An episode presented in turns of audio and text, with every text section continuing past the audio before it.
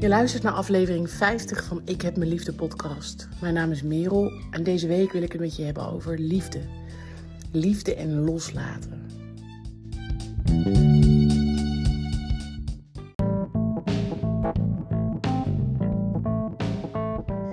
En voordat we de podcast induiken samen, wil ik reclame maken voor mijn boek. Ik heb me lief, hoe ik mijn eigen reddingsboei werd. In het boek lees je mijn verhaal. En ik ga ongelooflijk met de billen bloot. Zo lees je bijvoorbeeld over mijn zoektocht naar liefde. Uh, mijn lessen die ik leerde van mijn burn-out. Hoe ik heb leren leven en nog steeds aan het proberen ben uh, met een chronische en progressieve ziekte. In mijn geval is dat MS. En in het boek raak ik heel veel thema's aan. Het gaat over van jezelf leren houden, uh, een moeizame relatie met mijn ouders. Um, hoe ik ongelooflijk heb gestruggeld met het feit dat mijn ouders op latere leeftijd gingen scheiden. Uh, en hoe ik toen ongelooflijk vluchtte in werk, mannen, drank, drugs. Ik heb er echt een potje van gemaakt. dat is een beetje overdreven, maar ik heb flink erop losgeleefd. En op een gegeven moment dacht ik van, hé, hey, dit, is, dit kan niet meer. Ik, uh, ik word hier niet gelukkig van. En, uh, maar wat dan wel? Ik wist het niet. Ik wist ook niet hoe ik dat aan moest pakken. Nou, die hele reis heb ik opgeschreven. En de reacties die ik tot nu toe heb mogen ontvangen zijn nou, fantastisch en hartverwarmend. En uh, als je nou nieuwsgierig bent geworden, ga dan naar boekensbestellen.nl. Daar kan je het boek vinden als je zoekt op Ik heb me lief. En uh, het is ook verkrijgbaar als e-book. Eén um, klik op de knop en je hebt hem in je inbox of ploft hij zo bij je op de deurmat.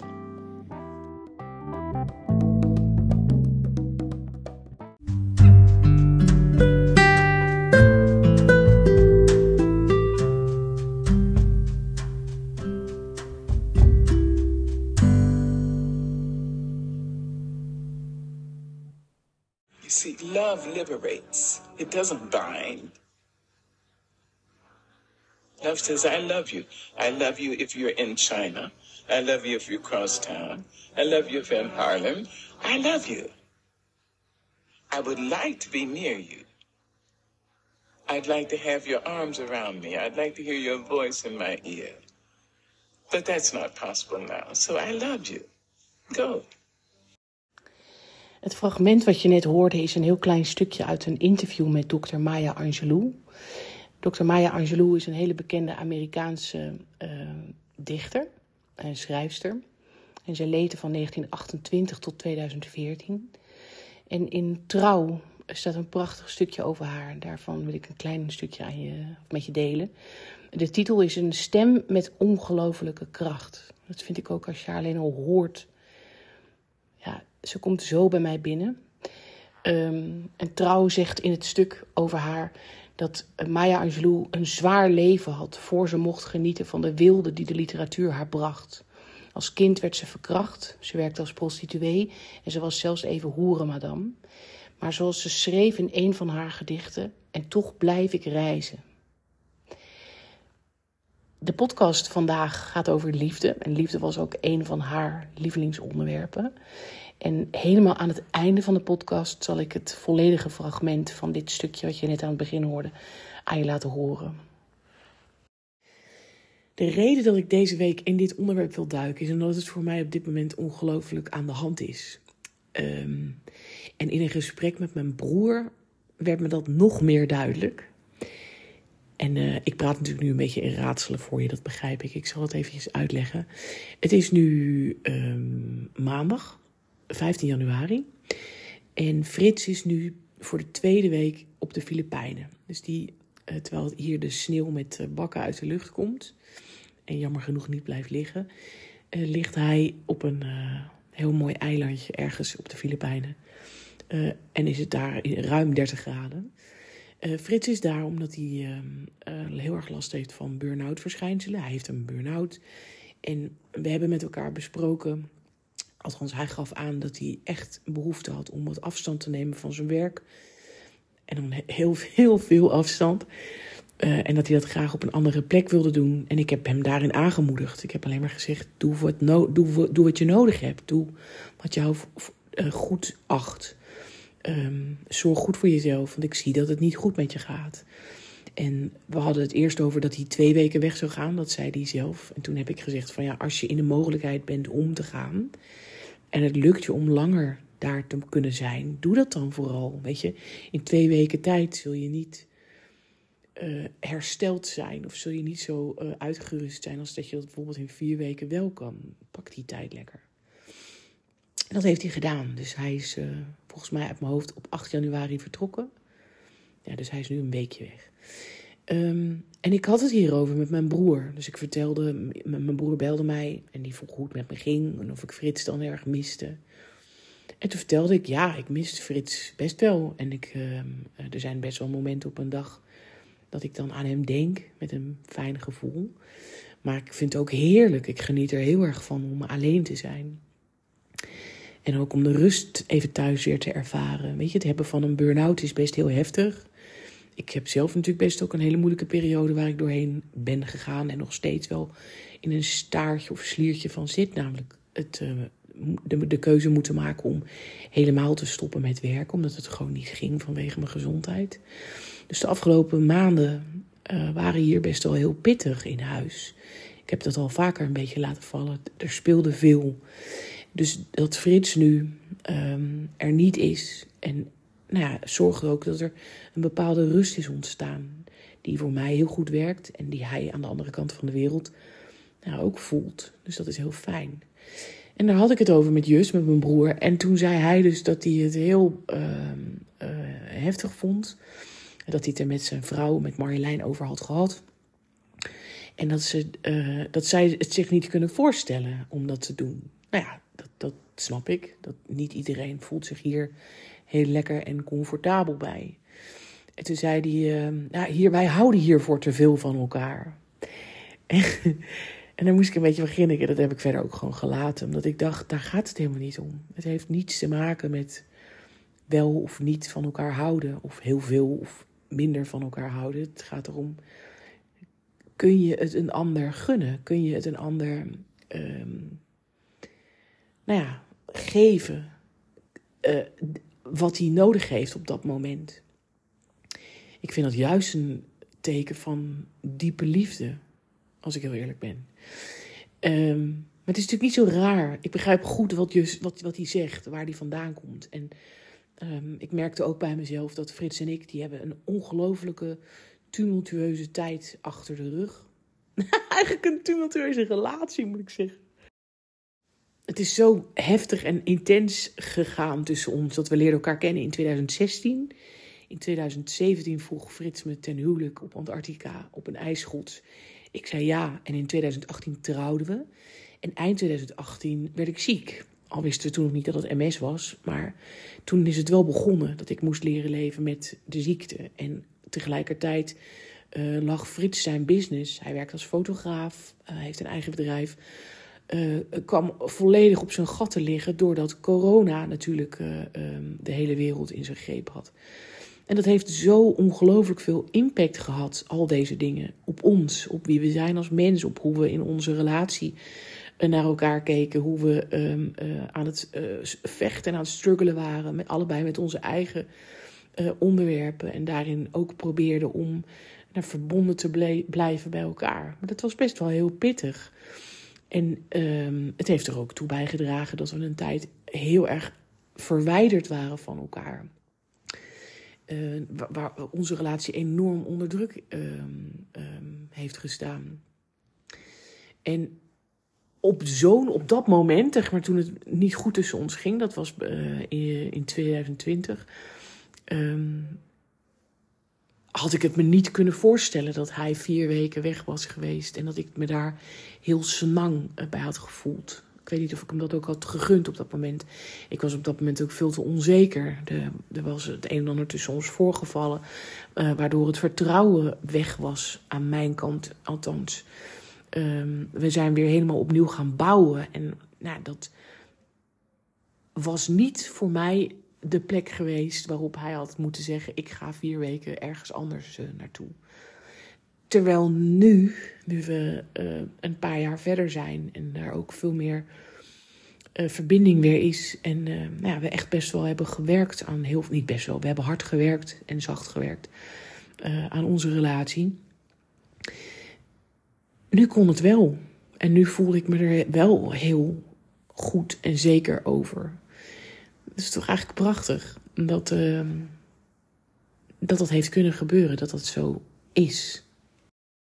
En wat ik dan zo'n mooie metafoor vind ook op dit moment is, uh, daar moest ik ook aan denken van de week, dat in de periode dat ik dus zo onzeker was over mezelf, over mijn lijf, over de ziekte, over wie ik dan ben, Merel met dat zieke lichaam. Um, en Frits en ik, nou ja, elkaar daar niet in konden vinden. Waardoor die onzekerheid eigenlijk alleen maar groeide. Um, ging ik mij heel erg aan hem vastklampen. En dat was, uh, denk ik, tweeledig. Dat aan de ene kant was hij mijn veilige haven.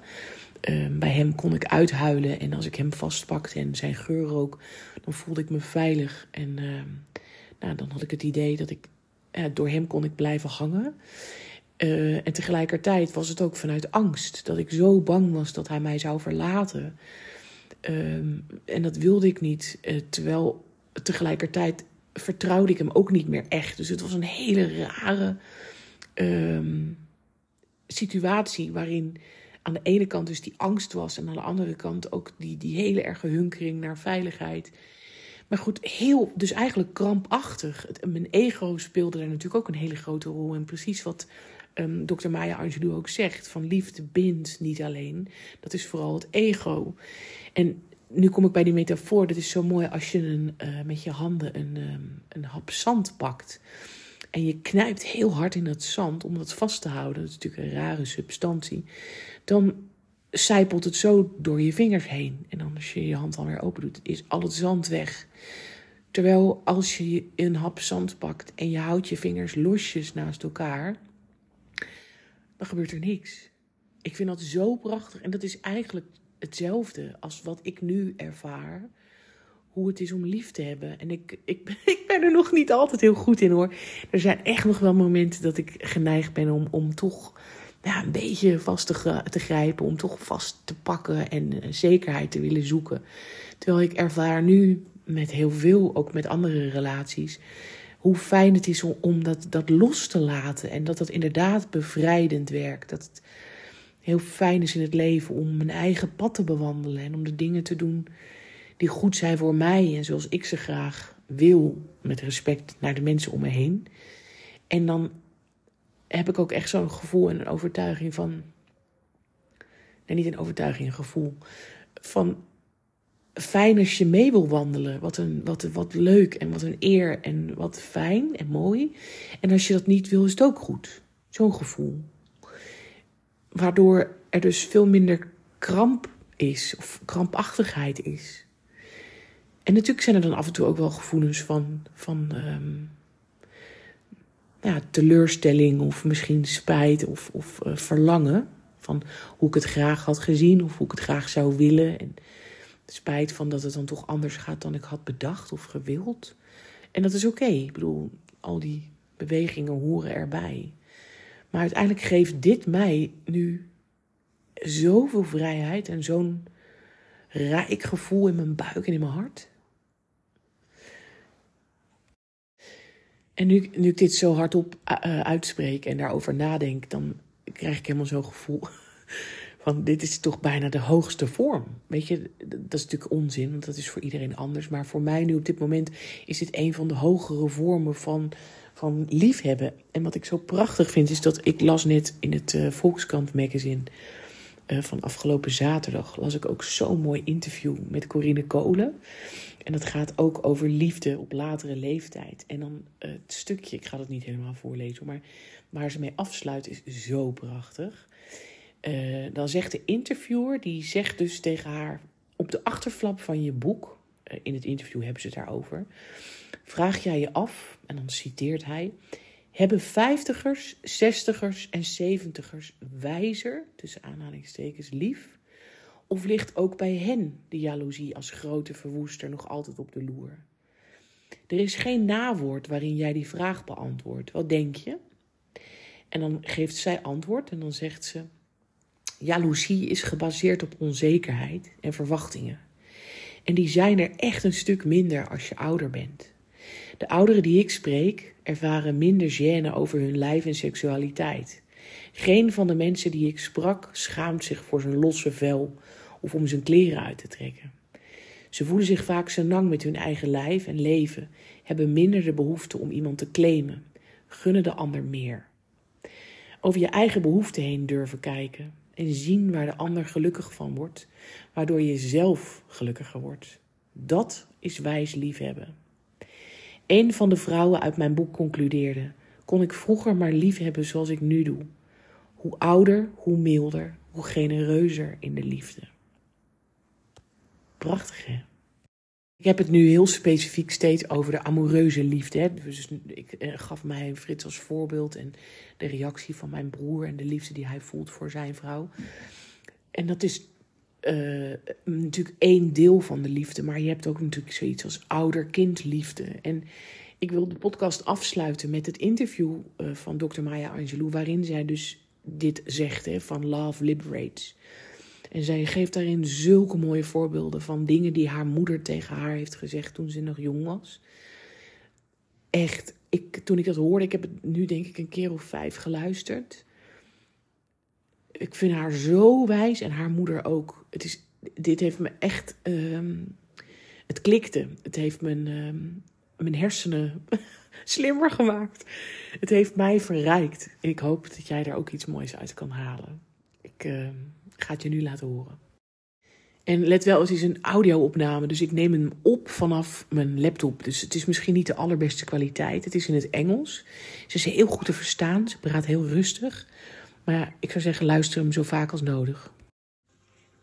I am grateful to be, have been loved and to be loved now and to be able to love because that liberates. Love liberates. It doesn't just hold. That's ego. Love liberates. When uh, when my son was born, I was 17. My mother had a huge house, 14 room house. At 17, I went to her and said, I'm leaving.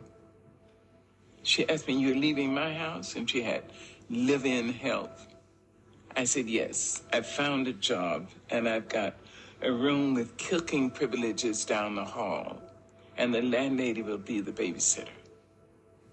She asked me, You're leaving my house? I said, Yes, ma'am, and you're taking the baby? I said, Yes. She said, All right, remember this. When you step over my door sill, you've been raised. You know the difference between right and wrong. Do right. Don't let anybody raise you and make you change. And remember this you can always come home. I went home every time life slammed me down and made me call it uncle. I went home with my baby. My mother never once acted as I told you so. She said, Oh, baby's home. Oh, my darling, mom's going to cook you something. Mother's going to make this for you. Love she liberated me to life. She continued to do that.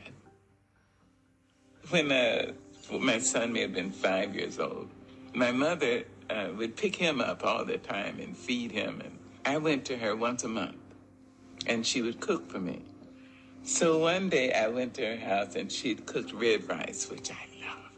After we finished eating, we walked down the hill, and she started across the street. She said, "Wait a minute, baby." I was 22 years old. She said, Wait a minute, baby. You know, I think you're the greatest woman I've ever met. She said, Mary McLeod Bethune, Eleanor Roosevelt, and my mother. You're in that category. Then she said, Give me a kiss. I gave her a kiss and I got onto the streetcar. I can remember the way the sun fell on the slats of the wooden seats. I sat there and I thought about her. I thought, suppose she's right. She's intelligent. And she's she says she's too mean to lie.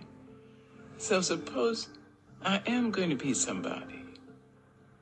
She released me. She freed me to say I may have something in me that would be of value. Maybe not just to me. See? That's love.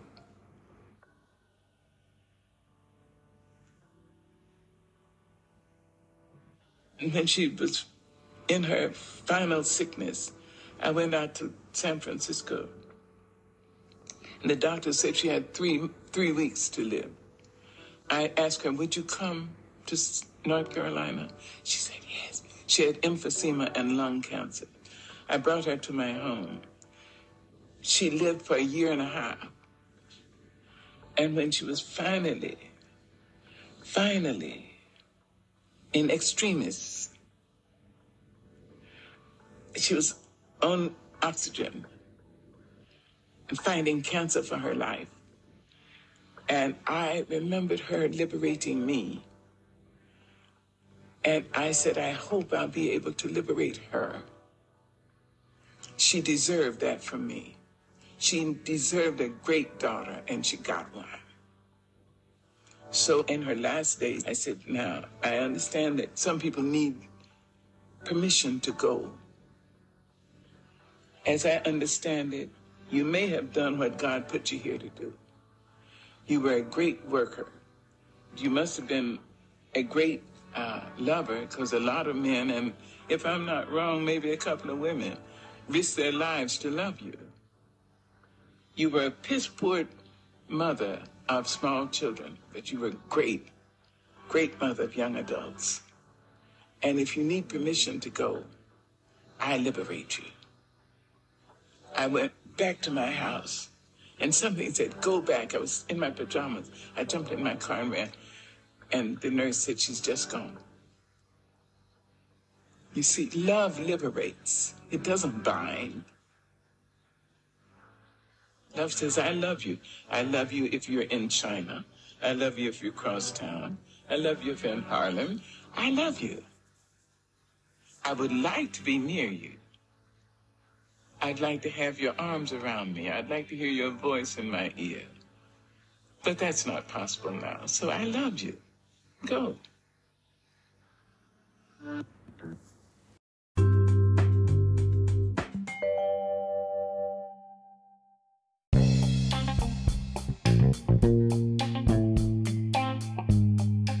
Vond je deze podcast nou leuk? Dan help je mij onwijs door hem te liken. En beter nog, abonneer je op deze podcast in je favoriete podcastkanaal. Als je dat doet, wordt die beter gevonden en kan ik steeds meer mensen bereiken. Lijkt me zo tof. Dankjewel.